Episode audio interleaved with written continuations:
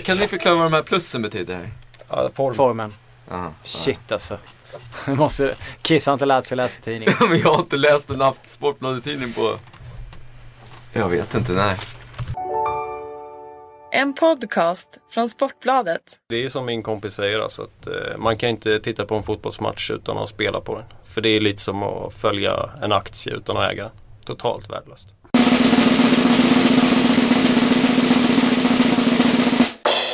Hallå, hallå, hallå där ute. Sportbladets spelpodd är tillbaka. Det är fredag. Vi har kommit in i april. Och eh, Fredrik Jönsson har med mig eh, Kiss Gustafsson som läser Sportbladet. Och eh, Fredrik Pettersson bredvid på hans vänstra sida blir det ju för om man om nu hade suttit på den sidan. Inte för att det spelar någon större roll men hur mår ni? Kanon va? Det är fredag igen. Jag mår mycket, mycket, mycket bra. Underbart. Fredrik ska jobba i helgen. Chris ska göra Jobba något också. annat. Ska du också jobba? Jajamensan. Då är det bara jag som är eh, lite ledig. Vi är väl ute efter så mycket pengar som möjligt som vanligt. Eh, har vi någon eh, snöboll? Eh, ja, Pittsburgh Islanders eh, i natt. Över 5,5 mål. Eh, ja, Pittsburgh har ju väldiga problem defensivt och eh, på skadelistan har de Downey, Letang, Earhoff. Det är ganska tunga avbräck. Eh, Dupuis och Mät är borta säsongen ut sedan tidigare. Och de står på fyra raka förluster. De har en slutspelsplats i nuläget men Boston flåsar en poäng bakom. Men de har bara en match kvar. Och det här är Pittsburgh har två matcher kvar. Så att eh, de behöver ta en behöver ta en pinne. Men vinner man så eh, ser det ju eh, väldigt bra ut. Men jag tror framförallt att det kommer bli ganska öppet spel. Islanders kan spela avslappnat. Har en fruktad offensiv. Eh, och så att jag tror mycket mål till 2-10. Jag rekar även Islanders faktiskt. Moneyline till 2-51. Just för att Pittsburgh har inte sett sådär jättebra ut på slutet. Nej, verkligen inte. Och Islanders börjat trumma igång. De har varit lite upp och ner. De har, eh, men i de senaste matcherna tycker jag man har sett att de har börjat vässa på slutspelsformen. Och eh, 2.51 moneyline tycker jag är bra. Mm. Jag satt och tittade på Pittsburgh 8 var här för, vad var det, tidigare veckan. En och en halv period så gick jag la mig för jag tänkte att det var avgjort. Men då hade jag glömt av att i februari var det väl så hade Pittsburgh också 3-0 mot Ottawa eh, och tappade. Och eh, det är gudomligt dåligt om man tyckte att Ottawas första paré var riktigt kass så är det ju ännu sämre att tappa. Inte för att jag såg eh, de sista perioderna, eller de två. Nej, Ottawa tog ju över matchen. Eh, och det var ju, de, de fick ju en drömstart. De gjorde ju två mål på, ja, de hade väl 2-0 efter åtta minuter eller mm. något sånt där. Och sen eh, fick de även in 3-0 innan paus. Och då tänkte man ju att oj, oj, det här blir tungt. För Ottawa ja. hade ingenting i Nej. första. Men de blir skärrade. Pittsburgh kommer ut i andra och då syns det att de här tunga backarna är borta för att eh, mm. Ottawa börjar pressa på. De drog på sig massa utvisningar och sen så ramlar ju målen in till slut också. Man trodde ju inte liksom riktigt att Boston skulle ha den säsongen de har haft. Pittsburgh skulle ha den säsongen som de har haft. Men framförallt Kings. Ja, Kings missar slutspel. Är, man trodde att kackerlackorna skulle komma tillbaka ja, men eh, nej, de, de hade ju allting i egna händer också så att det är otroligt märkliga förluster. Mm. Men ska ni lyssna mer på NHL eh, så kanske ni ska lyssna på Ekel och Bjurmans eh, podd. Som kommer varje vecka med mycket surr. Där sa de ju i och för sig att King skulle vara med och slåss om titeln. Även om alla i det här rummet också kanske trodde det. Men, eh, mycket märkligt. Vi eh, struntar i NHL för nu. Och så går vi rakt in på Stryktipset istället. Där jag inte har haft någon superform på slutet kan jag inte säga. Jag vet inte, har ni varit och klättrat på 10, 11, 12, 13? Man har legat på 9, 10 som vanligt. En klassiker.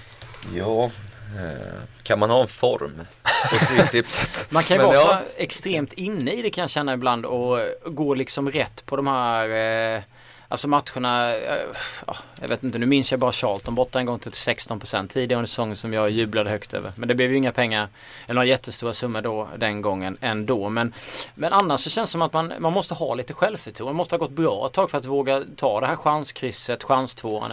Fram, liksom. Framförallt så måste man våga chansa bort favoriterna mm. och det vågar man inte om man inte har det där rätta flytet. Nej. Eh, man måste våga tro på sina egna idéer helt enkelt. Nu känns det lite som att de ska spola fram 10 minuter för att det känns inte som att vi har gett dem större förtroende över att vi kommer vara en kanonspelare i helgen. Men vad eh, känner ni när ni tittar på eh, veckans eh, kupong? Tottenham mot Aston Villa spikade, eller sträckade till 66%. Är det en given etta? Middlesbrough mot Rotherham sträckade 74. Borough slåss om en plats upp. Medan Rotherham ligger nere i botten i eh, Championship. Ligger väl rätt risigt till va? Gör de inte det? Jo, eh, det känns som att Sista i, chansen dem. i, i det här läget eh, finns det mycket motivationsspel eh, att plocka. Eh, så även på tipsen såklart. Alltid svårt slutskede på säsongerna. Lag som kämpar uppåt och neråt. Sett i Premier League så kanske inte är så hett uppåt i och med att vi i princip har en topp 4 klar kanske. Men neråt är det ju desto tajtare. Så att vi har ju flera lag som, som skulle kunna skrälla. Bland annat Aston Villa då kanske. Jag ska rätta mig innan jag blir av med huvudet här på Twitter. Det var Millwall jag snackade om innan. Jag tänkte på när jag sa sista chansen. Rotherham ligger ju över strecket på 43 poäng. Millwall ligger under. Och eh, spelar i helgen hemma mot Watford. Det var den matchen jag tänkte på där man också jagar. Det är mycket sådana grejer som man får titta på. Millwall har ju inte varit det roligaste laget medan Watford har varit rätt intressant under 2015. Eh, är med och slåss om en av platserna upp, ligger på tredje plats nu. Eh, samma poäng som tvåan Norwich och en poäng efter Bournemouth. Så att Mm. Känns tight. Vår egen eh, hockeykrönikör Thomas Ros har ju en gång fast, slagit fast i tidningen att motivation slår alltid klass. Just det. Vilket väl inte riktigt stämmer men man ska ha det i åtanke när man eh, det är många, många matcher här där det kan se ut som klara favoriter men eh, den klara favoriten kanske inte har så mycket mer än heden att spela för och eh, någon slåss för nytt kontrakt. Mm, Millwall är ju, de vann ju sist. Innan det hade de två kryss och innan det två torsk. Ligger alltså på 22 plats. Det är ju under strecket på 36 poäng. Har sju upp till Rotherham. En match mindre spelare. Behöver ju definitivt tre poäng. Om man ska kunna hålla sig kvar. Bakom där ligger Wigan som har en chans. Blackpool är ju It's over för dem så att säga. Så det är Wigan och Millwall. Samtidigt så eh, Watford ligger i nuläget trea. Ja, Ja, de- så motivation bör ju finnas från det. Ja, det jag säger det också. Så det är, det är svårt eh, i de här. Jag eh, kommer... Eh, just när det gäller Watford och vi pratade även om Middlesbrough så kommer jag gå på favoriterna. För jag tror att de grejar det. De är så pass eh, be- mycket bättre i grunden än dem. Eh, Så att jag, jag kommer köra på det. Sen när det gäller Tottenham och Aston- Aston Villa så tror jag faktiskt att eh, jag kommer gardera upp med ett kryss. Kanske till och med helgardera för jag tror att det kan Det bli gör du nog rätt i. Ja det kan bli rätt svängigt alltså. Tottenham är ju så gott som, som färdiga. Är ju ett av lagen som, som ligger därefter. Har en säkrad Europaplats förvisso men Ja. eh, topp 4 ser ju för långt ut. För långt borta Ja precis. i nuläget. Och Villa, ja, måste ju ta någon poäng till i alla fall innan det är över för att kunna vara helt säkra på att man spelar Premier League nästa år. Mm. Sen har vi Southampton mot Hull. Southampton 73%. Jag är lite sugen på Hull. 16 kryss. Tvåan 11. Sen är det ju Hulls eh, form är ju för tillfälligt eh, för tillfället ganska dålig. Alltså, Hall har inte mäktat med. Vi har pratat om Hall flera gånger här känns det som Ja. i podden. Om, när de ju just möter de här större lagen som man ändå får kalla Southampton den här säsongen då. Mm. Eh, att de inte riktigt klarar av att behärska det.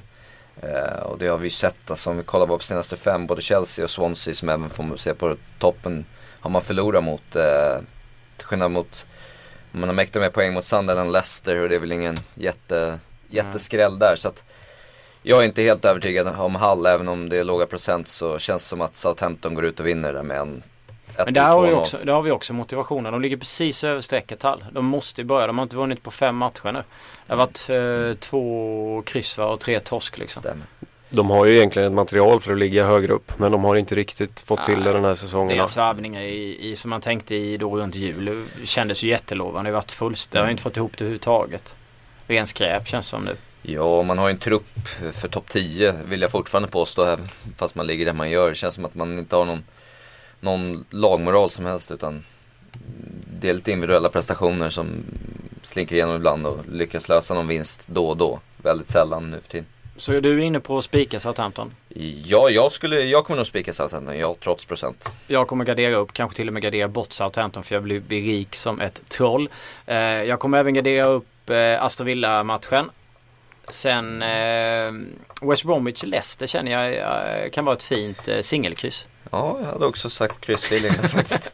Eh, I match två, där har du inte nämnt, Sunderland Crystal Palace. Eh, kommer gå in på den matchen lite senare men att Sunderland ska vara favoriter mot ett Crystal Palace i tokform. Mm, inte riktigt helt överens eh, om det. Men Alan Pardew brukar ju inte gå sådär jättebra mot Sunderland. Det är sant, men nu är det ett nytt lag. Nu är det ett Ja. riktigt fotbollslag han coachar. Ja, just det. Jag glömde det. Jag glömde det. Eh, West Ham Stoke känns som en fruktansvärt jobbig fotbollsmatch. Eh, det lutar åt ett, en helgardering för mig eller ett singelkryss. Sen kommer jag köra ganska stenhårt på tvåan i Wolves. Eh, slåss ju för eh, för att gå upp och känns som att de kommer ösa på. Jag vet inte, Kiss grimaserade precis där. Jag vet inte om han håller Birmingham högre. Mm, nej, men jag var, nej alltså Wolves form kan man inte, kan man inte sticka en stolen med. Men Birmingham har stött, inte Sverige, jävligt stabila ut eh, hemma eh, under säsongen. Trots allt. De ligger ju mitt i ett hav, skit i Ja, vilket. Är sant absolut. Eh, procenten är ju, 44 funkar ju som en spik Ja, absolut, absolut. Självklart. Eh, men eh, jag måste nog fundera på den själv. Bolton Norwich. Jag spikar tvåan utan att tveka faktiskt. Eh, Norwich form, jag tycker de har sett riktigt bra ut på slutet. Bolton blandar och ger. Ligger där i, ja ganska, ganska tryggt. Ja men de ligger ganska tryggt Ja ovanför men alltså strecket. mitt i skiten. Precis, liksom- mitt i skiten Ja. och eh, Norwich ligger tvåa. Vill inte tappa de här platserna för att gå upp som är högmotiverat. Eh, och till 56% så tycker jag att det är en jättebra spik. Leeds Cardiff är ju en riktigt äcklig match faktiskt om man ser till tabellen. De ligger 13 och 14. Båda har 52 poäng. Cardiff har minus 5 i målskillnad. Leeds har minus 8 i målskillnad. Cardiff är inget vidare eh, bortalag. Jag tycker den är jättejobbig på den här kupongen. Det känns också som en sån här Antingen så får man liksom singelkryssa den eller så får man gardera upp hela, hela matchen. Eller så spikar man Leeds. Jag går nog på krysset. Match 13 då, ett, ett givet kryss eller tror du på ditt Charlton? Eh, jag kom, det är konstigt att det har blivit mitt Charlton egentligen. Eh, det är väl Allan Pardews gamla klubb? Är det inte det? Har inte Ja, han varit måste där? det vara ditt Eh, de ligger ju också på plats 11 och 12 i tabellen. Charlton ligger en poäng före Sheffield Wednesday. Båda har eh, här halvdan form, en poäng på de senaste två och sen en seger innan dess. Så jag tycker väl att procentmässigt om man tittar på det så ska man väl gå och dansa åt eh, Charltons sida särskilt när det är en sån eh, låg procent. Men jag har faktiskt inte hunnit kika på den matchen så jag kan inte säga vad, om de har eh, rätt gubbar med för att kunna störa ett Sheffield Wednesday som brukar vara ganska tight. Alan Pardew tränade Charlton mellan 1991 Nej, han spelade i Charlton mellan 1991 och 1995 och tränade Charlton mellan 2006 och 2008. Så jag spelar på Pardews Charlton. Det svider va? Ja, det är mycket kärlek till Pardew var jag än är för någonstans. Men eh, nu har vi liksom eh, känns som att vi har skummat igenom den här på ett ganska märkligt sätt. Men det är väl för att det, det är lite svårt. Alltså det känns som att när man är på de där sista två, tre omgångarna så kan man hitta de här man lutar sig på hemmalaget för bortalaget skiter i det och det finns motivationsspel och sådär. Och det finns ju några sådana här men det är ändå svårt någonstans tycker jag att liksom hitta de där. Jag tycker väl att Wolves är bra, jag håller med Fredrik med Norwich. De två tvåorna procentuellt sett är ju jättesköna med tanke på kvaliteten i laget och även motivationen att gå upp. Där tycker man också att man kan hänga med Watford och Middlesbrough. Uh, och sen då i, men sen måste man hitta de där chansningarna och jag väljer väl eh, att plocka procenten i Southampton, Tottenham och då kanske Charlton. Det blir väl mina chansningar. Ja, jag tycker väl som Chris var inne på att Crystal Palace till eh, 31% är Ja, också väldigt bra. den är inte alls dum. Alan Pardew. Ja, eh, om vi tittar på helgen så har vi ju rätt så intressanta fotbollsmatcher. Det är ingen som har några mer rekar i, ikväll, i natt. Vi hade snöbollen då som vi hoppas Över rullar sig. 5,5 och även Islanders moneyline. Ja just det, så var det. Vi hoppas som det blir en fetare plånbok där hemma. Jag hade rekat i United City. eh, Men någon klåfingrig människa snodde den matchen från mig så att jag lämnar över ordet till Chris. Ja, Manchester Derby. Och eh, som City-supporter så pekar väl, mm, vågar man väl inte säga att formen pekar uppåt va. Men eh, det är ändå ett derby. City har chansen att skriva historia. Vinna fem raka derbyn, har aldrig hänt tidigare. Eh, Lutar Mot ett Man- statistik? Manchester, statistik här ja. Vi börjar så, men mot ett Manchester United som har fått igång det. Har spelat riktigt bra Absolut. på sistone faktiskt. Mm. Eh, många sätter väl sina tecken på ettan. Eh, men eh, jag är mer inne på överspelet. Jag tror att vi kan få en rätt bra fotbollsmatch. Det har många gånger varit rätt öppna matcher mellan de här lagen. Mycket mål eh, och så tror jag även imorgon. Jag tror City kommer att lyfta sig, inte bara ett släpp utan två snäpp imorgon och visa att man är sugen på fotbollen just i de här derbyna. Eh, så att över 2,5 mål till 1,92 hittade jag när jag gick in. Så att det är taget. Ja, och det var det- samma spel som du var inne på ja. Ja, precis. Eh, Jag kan ju inte riktigt släppa det. Så jag måste ju typ ta någonting ändå. Jag känner ju också att det kan bli liksom så här lite revolveraktigt. För att det är två lag som måste gå för det. Och jag skulle bli otroligt besviken om jag får sitta på söndag eftermiddag är det väl. Och titta på någon jävla taktisk kamp mellan Pellegrini och Louis van Gaal. För det känns inte som att eh, Eh, det borde bli så. Så att jag väljer ju helt enkelt att lira över tre mål Asian bara för det. Till 2.30 bara för att jag ska vara lite värre. Eh, personligen, jag kanske inte kommer skriva ut så tror jag kommer spela ännu fler mål för att jag tror att det kan liksom rasa iväg. Så över tre Asian, alltså du får tillbaks pengarna på tre mål. Det ger 2.30. Andra stormatcher i helgen, i alla fall för min egen del, är ju Liverpool-Newcastle på, på eh, måndag är det väl. Inte för att det är så många som Hur definierar vi stormatchen? Ja, eh, jag tänker på de här matcherna när du var en liten eh, knodd på eh, 90-talet där. ah, tänkte Eh, så. 95, 96 och 96, 97. Det slutade 4-3, 4-3. En av matcherna så hade, låg vi under med 3-0 och så gjorde Ginola, Asprilla och Warren Barton tre mål och man jublade och sen så nickade Fowler in 4-3 på stopptid och så ger man typ sönder sina kläder ungefär. Newcastle var bedrövliga rent ut sagt mot Sunderland senast i derbyt. Har i och för sig en förmåga att vara rätt dåliga i derbyna på slutet. Eh, då ju Di Canio och Advokat och de har sett till. Sebbe, var, Sebbe Larsson var, var bra för den delen. Men och eh, vi hade ett skott på mål. Eller första skott på mål kom 78 minuten tror jag. Och startade med liksom Jack Holback som vänsterback och Jonas Gutierrez som defensiv inne mitt och Perez spelade från början. Rivier kom in. Eh, var väl inte i, alltså eh, otroligt dålig värvning och det, det känns inte som att vi kommer ha sådär jättemycket eh, att komma med på, på Anfield även om de saknar lite folk. Och jag tittade bakåt i tiden, vi är inne på statistiken så har Newcastle haft ganska svårt att, att vinna på Anfield. Så jag väljer att gå på minus 1,5 till 2,10. Jag tror att Newcastle, Newcastle kommer få väldigt svårt med, med offensiven i, i Liverpool. Och eh, det blir nog en, en 2-3-0 eller 3-1, 4-1 eller vad det blir. Jag tror att Liverpool fixar till det då och vinner hemma. Så minus 1,5 till 2,10. Någon som går emot mig? Det är svårt kanske att stötta Magpies utan Pardio för Chris del. Ja, så är det. Nej, men eh, man har sett riktigt svag ut på sistone. Uh, Har ju inget spela för heller liksom. Känns som man ligger där i ingenmansland eh, och bara väntar på att säsongen ska ta slut. John Carver gick ut och sa, eh, alltså tränaren då som interim-managern efter att Pardio dog att man kan inte vara helt säker på platsen ner liksom. Eh, Jag vet inte om det skulle motivera dem till att störa. Sen vet man inte, de eh, vann ju mot Tottenham borta. Det var ju liksom, vad hände där och så Ja, vidare. sprattlat lite ibland. Ja, men en minus 1,5, 2, 10 känns bra. Vi Yes. kikar vidare Mm. på, vad har vi med i England? Eh, ja, Palace har vi redan varit inne på. Uh, Drawn och Battle plus 0-0, uh, Asien där. Till 1,95 hittade jag när vi gick in och eh, klart godtagbart tycker jag. Sunderland, visst, vann senast. Men eh, Mötte ett otroligt dåligt fotbollslag. är ett, ja, är bedrövliga egentligen. Så fort man egentligen ska börja föra lite och det måste man ju ändå försöka göra mot ett Palace. Även om Palace är helt okej så jag, Palace har en tokbra form på sistone, sett bra Ja. ut. Mm, tre raka. Eh, så att eh, 1,95 med en kryssäkring där tycker jag är taget. Eh, kikar vi neråt i seriesystemen så tror jag att Brentford lyckas med minst en poäng borta mot ett formsvagt Derby.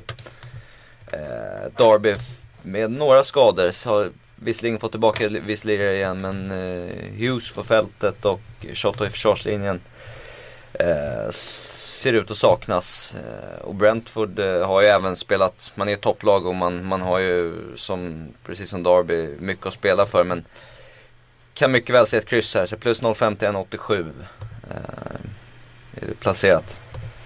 Vidare om vi kikar ytterligare en division lägre ner, League One där. Så har jag två riktigt, eh, i mina ögon, spelvärda odds. Eh, först tar vi Peterborough där mot Swindon. Ett Swindon som saknar tre, tre eventuellt fyra ordinarie startspelare. Eh, ja, har dessutom eh, börjat svaja på sistone med tre, två raka 3-0 förluster. Så att eh, visserligen kan man vara revanschsugna men eh, Peterborough på bortaplan då, drar nog bett samma sak där till 3,63. Eh, sen har vi även eh, ett Doncaster som har svajat rejält eh, som gästas av Rochdale då och eh, Rochdale drar no bet till 2,70 är också placerat eh, i den matchen. Doncaster då med endast två vinster på de senaste tio. Fyra förluster de senaste fem om vi ska se ren statistik. Men ser ut att stå utan sin bästa målskytt Nathan Tyson och eh, rutinerade James Coppinger eh, på mittfältet. Så att eh, lite favör borta laget sett till oddset eh, som jag tycker ska vara lite jämnare här. Det var mina spel i England i helgen. Yes, jag har ett eh, spel i Premier League.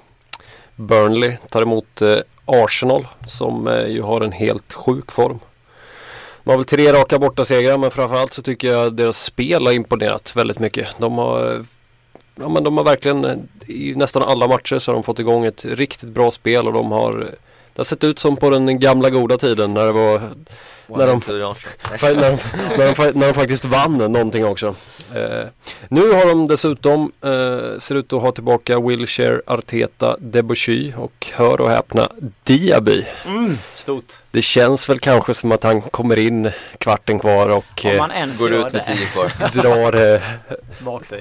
men de, eh, nu är ju Arsenal vill ju behålla sin andra plats. Burnley har inte eh, fel på motivation heller. De ligger precis under strecket, måste börja vinna. Men här tror jag helt enkelt att man eh, möter ett lite för bra lag. Eh, de har Reed, Wallace, Morney, Long och Taylor på skadelistan. De är osäkra, testas sent.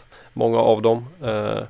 Och som Arsenal har spelat på slutet så kommer de bara upp i 80% av den standarden som de har visat på slutet så tror jag att de vinner det här med några bollar och därför så Arsenal minus 1 pengarna tillbaka på ett målseger. Två gånger pengarna tycker jag är ett smaskigt odds.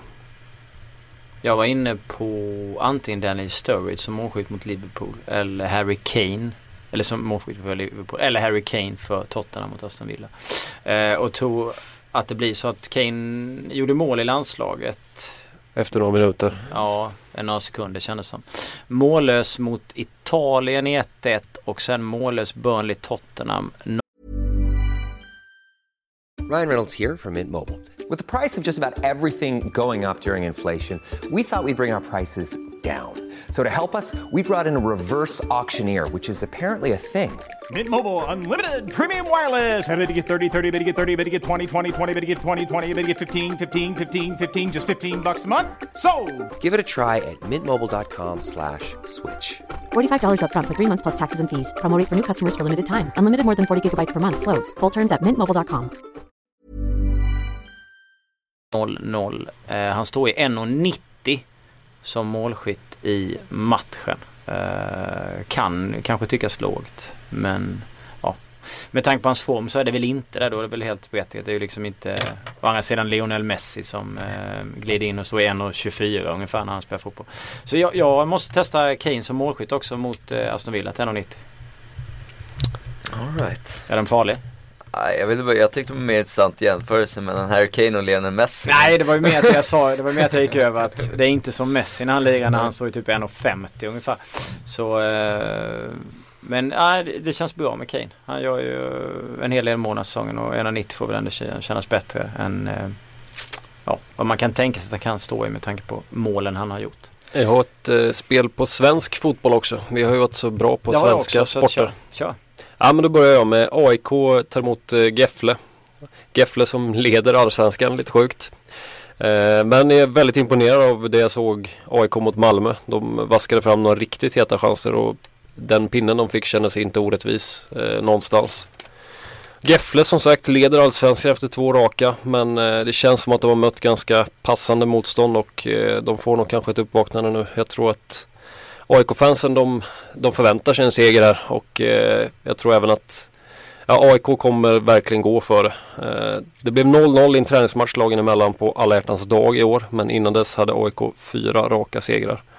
Eh, och eh, samma sak där om AIK kan spela som de gjorde mot Malmö så kommer de ta det här med några pinnar och får de bara stopp på Oremo så har de ju nästan fått stopp på Gävle. Eh, och det, det löser nog Nisse där bak.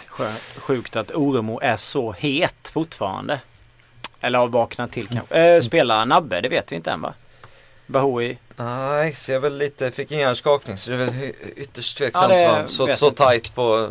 Men de såg ju bra ut utan honom. Han var rätt blek faktiskt Men första matchen. eh, det, det jag känner är lite osakligt, alltså spelet i sig är väl inget konstigt egentligen, men ju sett hemma mot Gävle. Men, Vad var oddset? 1,90. eh, Ja. men eh, om vi säger så här, Gävle hemma känns som en lite mer likt matchbild som man hade mot HBK hemma än mot Malmö borta då man inte behöver spela. Så att det är svårt att jämföra i matcherna sig. Alltså man var bra mot Malmö, absolut. Men i den här matchen hemma på ett laddat Friends så måste man ju dominera matchen rakt av och föra spelet från första minuten. De hade fyra raka segrar sa du innan.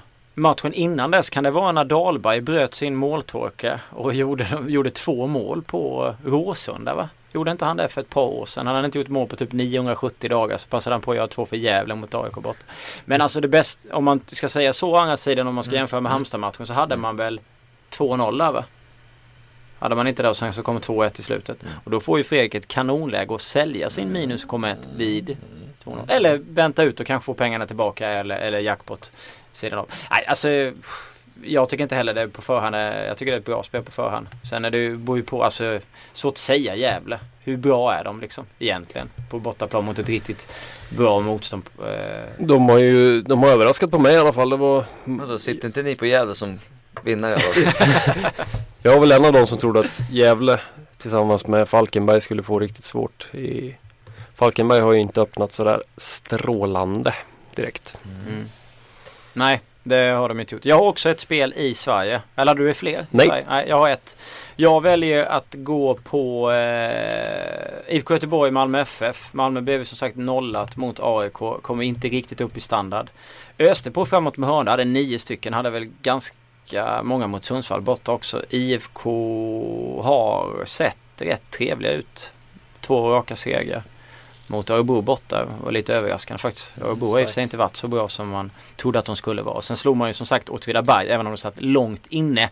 Hemma med 1-0 så 3-0 på två matcher och eh, rätt mycket hörner. Jag tror på en fin hörnfight här också mellan eh, de här två lagen. Så att jag har rekat över 10 hörner till 1,83.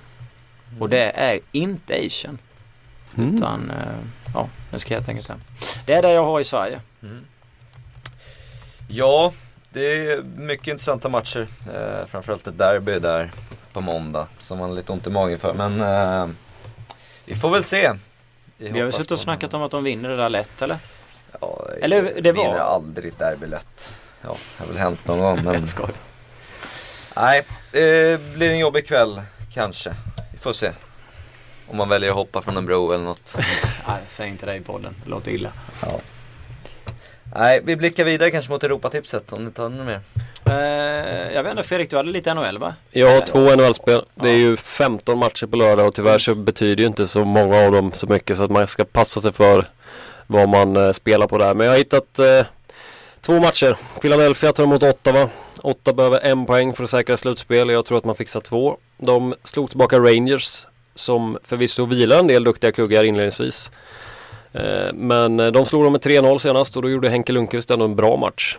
Och eh, Rangers eh, bytte in Nash och de här offensiva pjäserna i slutet men man fick ändå inte hål på ett Ottawa som eh, har imponerat väldigt mycket. De har kommit starkt på slutet. De var ganska uträknade men de har radat upp segrarna och förtjänar verkligen slutspelsplatsen de har och jag tror att de kommer hålla hårt om den. Eh, Philadelphia har frågetecken för McDonalds, Simmons, Chen, Hamburger, Gudas och sen tidigare är ju Pronger borta resten av säsongen. Eh, och eh, har egentligen ingenting att spela för. Ottawa högmotiverat. Mandeline 2 han ger 2.03. Jag tycker att det är klockrent. Jag tänk, när jag hör Rick Nash, tänk, är inte han som har det, finns det där YouTube-klippet, du vet när det där snygga målet när han kommer fri, gör den, sätter den och så säger du kommentatorn Rick Nash, how do you do? Har du sett det? Ja, Alltså han skriker ut och på engelska låter det sådär liksom asgött när han gör det. Han har sagt det på svenska, typ Arne Hegerfors eller, eller någon annan. Jag ska inte kasta skit på Arne, han är fantastisk. Men ni fattar vad jag gör, en svensk kommentator låter skittöntigt. Men just det De klippet blir liksom NHL-kommentatorerna är ju ofta sköna. Jag kommer ihåg Ja. från när jag var liten och såg på det var också Philly. Så var det Mikael Renberg och då var det Michael, Michael Motorcycle. Ja men de är ju assköna liksom. En, en, en riktig eh, förbannad parentes från min sida. Men ja. Roligt. Eh, sen har vi Tampa Bay som tar emot detta Boston som jag tror kommer missa slutspel. De eh, hade allt i egna händer för att säkra slutspel. Mötte Florida i natt, kom inte alls upp i nivå, föll med 4-2 tror jag det blev till slut. Eh, möter nog Tampa borta i Amalie Arena. Eh, och de kommer inte lägga sig platt där för att de slåss för eh, divisionssegern. Och det ser väldigt mörkt ut för Bruins. Undrar hur motivationen är där egentligen. Jag tror att det kan vara lite tunga huvuden efter förlusten i natt.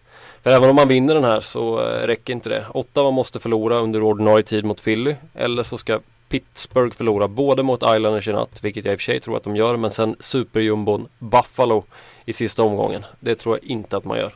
Vadå, ditt favoritlag? Eh, och Boston saknar Miller och Hamilton.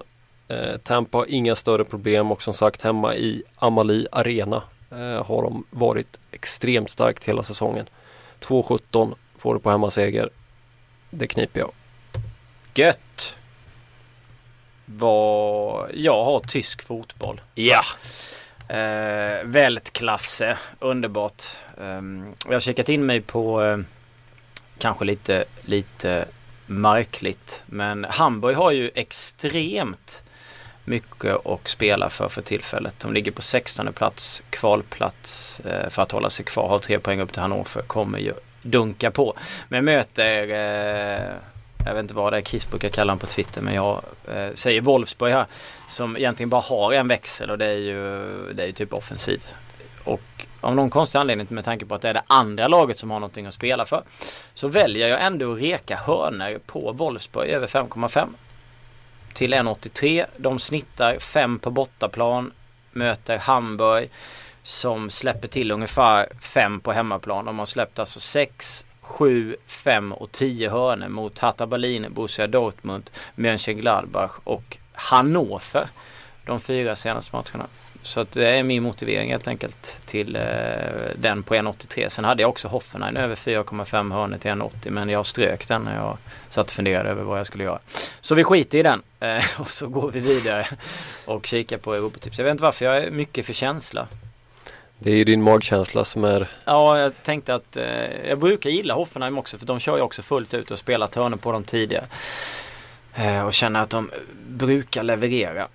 Sen hade jag en sak som jag tänkte lyfta upp här i podden. Jag vet inte vad jag får för respons för det men det var efter att Zlatan fick sin avstängning på, eh, på fyra matcher.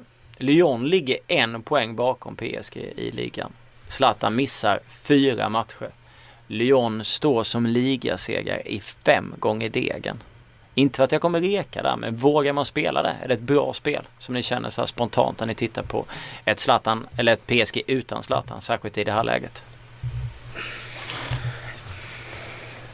Känns som att eh, PSGs lagmoral ändå har vuxit på sistone. Eh, vunnit flera viktiga matcher och är väl i det skedet på säsongen. Men även om Zlatan är fantastiskt stor och lagets bästa spelare så, så man har ju ändå kvalitet för att Mm. man, man är ju fortfarande ett minst lika bra lag som Lyon till exempel. Eh, så att mm, Ja, men fem gånger pengarna är rätt mycket förvisso men När det bara är eh, en pinne liksom. Ja, så är det eh, Men eh, det var inget riktigt gehör där. Så Mm. att, eh, Det är väl inte jättemånga matcher kvar heller? Är nej, fem, det, eh, nej, det är sju tror jag va? Eller sex eller sju är det inte det? Han är borta typ fyra. Ja, för att spela. 31 matcher har de spelat precis. Ja, så, så det att, är eh, sju fighter kvar.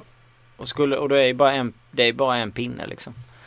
Och, och sådär. Ah, vi får se om jag väljer att spela. Jag ville bara lyfta upp den i podden. En annan, eh, det var en kille som hörde av sig. Jag, eh, jag tänkte att jag skulle ta med den. Det skrivs lite och vi ibland glömmer vi, ibland tar vi med. Vi finns ju på Twitter som sagt, sport, spel. Eh, Sebastian Johansson har skrivit speltips till spelpodden är Atletica bort Atletico Madrid borta mot Malaga. Bra odds. Malaga, Malaga förlust eh, och lika senaste två medan Atletico gånger på måste för Valencia. Eh, och sen tyckte han Bar Barcas odds eh, mot Sevilla också som har gått upp på slutet. Atletico Madrid står i två gånger degen borta mot Malaga. Och Barcelona står i 1,55 borta mot Sevilla. Det var något, är det något ni har kikat på? Det kan vara lite svårt att bara för mig att kasta Alltså, upp det till en podd som... Om vi bara kikar lite intressant så har Sevilla varit fruktansvärt starka hemma. De har inte förlorat Ja. match i år hemma så att eh, 1,55 på Barcelona. Det är faktiskt Förvisso högt måste de hålla, eller? ja det är det ju. Men det är ju det är, det är också Spanien vi talar om. De, Mm. de ligger ju oftast sällan högre än 40 topplagen när de inte möter Nej. varandra liksom. Så att, Precis. eh, den avströmmen, Atletico Madrid känns absolut sund. Eh, tuggar på ändå rätt hyggligt. Eh, har väl förvisso inget att spela för ligamässigt kanske. Eh, som det ser ut idag. Men Nej. eh, mot Malaga, alltså Sevilla som sagt ett mycket starkare hemmalag än än vad Malaga är. Eh, så att, eh, Det, jag hade mer gått på Atletico kanske. det farliga här är väl att Atletico Madrid och Real Madrid möts i Champions League kommande veckan och Barcelona gästar PSG borta Mm. dagen efter. Och det är väl kanske därför också spelbolagen har lagt dem för man känner så här, fan, 1,55 på Barcelona. Borde man kunna spela en, en, en minus där och få typ två gånger degen. Men jag är rädd när det är Champions League-matcher som följer. Sen har man ju sagt det där tidigare och så har ju typ Juventus eller om det var City som skulle spela vunnit med typ så här 3-4-0 innan den matchen. Så att Jo, alltså förvisso Barcelona är ett fantastiskt lag. Och, och, Messi kan göra lite som han vill emellanåt, lite, liksom. Är han på humör så ja, kan det bara smattra på det. Men eh, ja, jag vet inte. Ett lag som som sagt har 11 vinster, 4 förlust, eller vad säger jag, 4 kryss. Och släppt in 7 mål på hemmaplan på 11 matcher. eh, Mm. Ja, känns ju inte särskilt lockande i, min, i mina ögon. Men följer för dåligt spanska ligan. Jag förstår ju Sebbe när han pratar om Atletico med tanke på Malagas form i slutet och två gånger degen. Är bra på Atletico i just spanska ligan. Men, men eh, ja, jag vet inte. Sevilla tycker jag var fantastiska när de mötte just Atletico Madrid. De öste ju på ganska bra och Madrid spelade mest väldigt, väldigt fysiskt. Så man vet ju att de har, de har kvaliteten. Vi hade egentligen inga fantastiska bra tips förutom att vi inte var jättesugna på spelare. Sen så kan jag önska vi Sebbe givetvis lycka till. Han är ju rätt ute i tanken från början. Mm, självklart. Vi kollar på Europatipset där vi slipper just de matcherna ser jag. Eh, Vi har England, tre spanska matcher, eh, fyra italienska, en fransk och fyra svenska. Mm. United City 1, kryss 2. Eh, jag sitter utan fördelning framför mig. 47, 30, 23. Jag eh, känner ändå att jag tror att City kommer resa sig lite här. Jag tycker jag visst, man kan inte snacka bort att United har gått väldigt starkt men eh, nu kommer City tagga upp derby och som sagt ja, jag tycker streckfördelningen är lite skev. Jag tycker det är en helt jämn match. Då 23 procent på tvåan. Procenten eh, mot matchen hade jag nog också spikat tvåan faktiskt. Eh, ser vi mot oddsen så är det betydligt jämnare än vad procentfördelningen vill tala. Sen har ju formen en viss påverkan på det gissar. Eh, men en tvåa eh, kan jag absolut hålla med om och det är säkert där jag kommer sätta mitt tecken också. Cordoba Elche. Jättesvårt. Jag tror jag kommer singelkryssa. Cordoba ligger långt. Ja, de ligger ju absolut längst ner i den spanska ligan med eh, 19 poäng. De har alltså 8 poäng upp till säkermark där La Coruña ligger och sen ligger Elche då på 28 poäng. Båda har ju en eh, fruktansvärt dålig form. Alltså det är ju fullständig skit. Eh, så det känns ju lite som att det är ett kryss. Som eh, den vägen jag kommer gå i alla fall. Sen har vi Espanyol Bilbao. Jag är sugen på Espanyol. Ehm, Bilbao har uh, förlustkryss eh, och Espanyol visade ju styrka igår de slog Villarreal borta med 3-0. Riktigt bra gjort alltså. Du såg vad det gjorde för topptipset. Topptipset gav 125 000. Åh herregud. Så att de är i fin form. Så det, för mig blir det en spik. Sen har vi Sociedad eh, Deportivo La Coruña. Litar vi på David Moyes till 82 procent? Det är bra saftigt alltså. Han har inte vunnit på de två senaste. Innan det hade han rätt fin form. Laconia har väl inte vunnit sen, eh, jag vet inte, sen jag började på Aftonbladet känns som. Men så illa är det väl inte riktigt. Eh, Laconia vann senast den eh, 6 februari. Hemma mot Eibar. Och omgången innan slog man eh, Ayowa Ekano. Sen har det bara blivit förluster och kryss. Eh, jag vet inte, jag är lite rädd för krysset där. Men eh, återigen, eh, för dålig koll alltså egentligen på mittenskiktet i, Mm. i La Liga. Milan Sampdoria garderar definitivt eh, någonting på Sampa. Jag tycker 13% är rätt fint. Milan kan man absolut inte lita på den här säsongen. Ehm, Kan man en någon säsong. Nej, det- nej, inte nu de senaste typ eh, åren. Och sen har vi Napoli-Fiorentina. Oj. Ja, Napoli har det tungt just nu Ja, alltså. Eh, Stryk mot Lazio i kuppen va? Mm, Eh, samtidigt. Kåren fick ju också stryk i kuppen hemma mot Juventus. Mm. Juventus kan man i och för sig förlora mot i Italien utan att behöva Mm, men skämmas. man var ganska så utspelade på Ja. hemmaplan också. Så att det var inte hin alls någon övertygande insats där nere på Nej.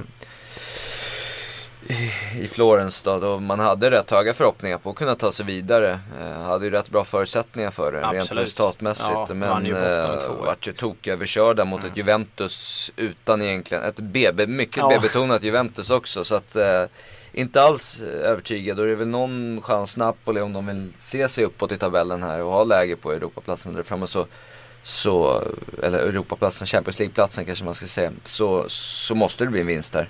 Eh, och jag tror också att Napoli, personligen tror jag att Napoli kommer att plocka Fiorentina i den här matchen. Mm. Under 50% är Ja. rätt schysst etta liksom. Det känns som det är lite läge att studsa tillbaka. På de fem senaste så har ju Napoli tre torsk och två avgjorda. Eh, Vi spikar. Vi spikar. Benitez. Alltså man skapade ju mot, mot Roma så skapade man ju eh, rätt bra med chanser i den matchen. Eh, Napoli som man förlorar. Man blir nollad där men man skapar ändå en hel del chanser tycker jag. Torino-Roma. Eller ska vi snacka Udinese-Palermo? Palermo är ju i en fullständigt usel form. Uh, och Udinese kryssar ju mest liksom. Det är en eh, jättesvår fotbollsmatch att, att sia om. Och sen har vi Torino som möter Roma. Jag tror absolut att Torino kan störa. Uh, krysset känns ganska nära för mig. Till 29 procent. mm. Det kan nog bli en singel. Jag vet att Kiss kommer ju definitivt inte hålla med om det. När han gullar med sitt Roma. Ja men Roma, alltså det, Roma har ju, höll ju på att verkligen kryssa bort sig från hela Mm. CL men har ju vaknat till lite på sistone. Visst 1-0 borta mot Cesena är väl ingen jättehöjda match men, Men ändå två, två raka segrar man. Men ändå, eh, 1-0 vinst här mot Napoli som borde vara hungrig och Mm. jaga är ändå rätt, får man säga som en helt okej insats. Mm. Men visst, ett kryss borta ändå mot Torino. Eh, ska väl kanske vara med på kupongen. Jag kommer nog chansa i Udinese Palermo. Det känns som det är två lag som har bedrövlig form. Ja, de- Udinese torskade väl mot Parma senast med 1-0. Ja, varför Bara ska man två lita på dem till 62 procent? Det känns... Absolut inte. Jag Nej. tycker om man nu inte vill ta ställning så känns ju helgarderingen motiverad men annars kan man till och med chansa bort ettan och köra kryss 2. Man vill ha cashen och det vill man ju Jag, inte, jag skulle inte rekommendera att ta med ett, en tvåa faktiskt. Palermo är bedrövliga borta. Ja, Eh, jo. har varit riktigt risiga. Men har förlorat många polletter på dem den här säsongen. Man har sett jättestarka ut hemma stundtals. Lite sämre där i slutet också men, Mm. men riktigt dåliga borta. Skapar sällan det spelet, det trycket man skapar hemma eh, har varit, nej. Men ett kryss eh, är jag absolut benägen att hålla med. Jag kryssar Torino, jag kryssar Udinese, jag kryssar Bordeaux. Eh, tror jag Match och kryss. Jag spikar AIK. Spika AIK, Örebro. Väger vi på eller? Ja, vi snackade ju lite om den inför matchen, även om laget från havet eh, har eh, lyckades med 0-0 här senast mot Helsingborg, vilket man får ändå tycka är helt okej insats. Så, Ja. så eh, ska väl Örebro, det är dags för dem att ta tre poäng om man ska vara där uppe efter tre omgångar. Ja, ja. Men ja, aj, favör Örebro, absolut. Halmstad-Helsingborg. 0-0. Ja, Kryss. Eller kryss, 1-1 typ. Krysset känns ganska nära. Halmstad var inte 0-3 dåligt mot eh, Peking senast tycker jag inte. De, Eh, ganska naivt och Norrköping fick ganska billiga mål men det var annars var det en ganska så jämn match. Men det är två nya tränare. De har inte fått någon vidare start. Varken Janne Jönsson eller Henrik Larsson. Liksom Kan känns mycket väl bli en ny ovisst. 0-0 match för Helsingborg. Ja, alltså. absolut. Ajdarovic saknas väl fortfarande också. Ser väl osäker ut i spel i alla fall. Ja, så att, Ehm. ja, jag vet inte. Och sen då IFK Göteborg, Malmö FF längst ner. Jag vet Svårt. att du går på en spik etta va? Ja, jag, jag tror att jag... Jag satt ju i och för sig och orerade om det där tidigare men sen så kom jag på själv innan podden då igång att det är svårt att eh, se att eh, Malmö inte vinner på två matcher i Allsvenskan men de ska väl kunna vara mänskliga också. Eh, jag vet inte, det, jag lutar mycket åt eh, det där klassiska krysset där. Lennartsson vill ju inte släppa till för mycket. Det har man ju sett på den fotbollen han har haft nu i början. Samtidigt som Malmö har en bra offensiv men, men IFK har ju de här det var, I tv var någon som kallade dem för blodhundarna. Ankesen, Riks, Vibe och sen då unge Engvall som springer och sliter och är fantastiskt bra. Så att jag vet inte, det lutar åt ett kryss för mig. I match 13. Klassiker. Fegt. Mycket fegt. Ja, eh, ja, det var det vi hade va? Jajamän. Tror det va? Ja, vilket är bästa spelet? Enligt Chris i helgen? Eh, Bayern minus 2,5. ja, det är tokgiven på måndag. 4-0 blir det. Nej, men eh, jag skulle vilja påstå att öven i Manchester Derbyt känns fin och sund. Mycket bra. Jag eh, kör Ottawa, Mannerline 2 203 tycker jag med de förutsättningarna tycker jag den är jättebra. Och jag kör IFK Göteborg Malmö FF över 10 hörnor till 1,83. Grymt. Det blir eh, helgens spel. Det var en lång podd. Ni får ju sitta typ en trekvart. Eller ni har suttit i en trekvart för att lyssna på de här tre fantastiska rösterna som bara pratar om fina spel. Som förmodligen och förhoppningsvis ger mycket pengar i helgen. Ni får ha en fantastiskt fin helg. Eh, Med klirr i kassan eller vad är det man brukar säga? Polettregn. Så eh, hörs vi om en vecka igen. Sköt om er. Ha det gött. Ha det fint.